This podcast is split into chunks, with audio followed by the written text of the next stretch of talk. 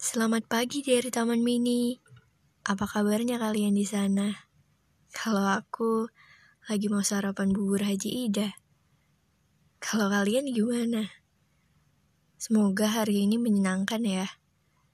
Selamat beraktivitas.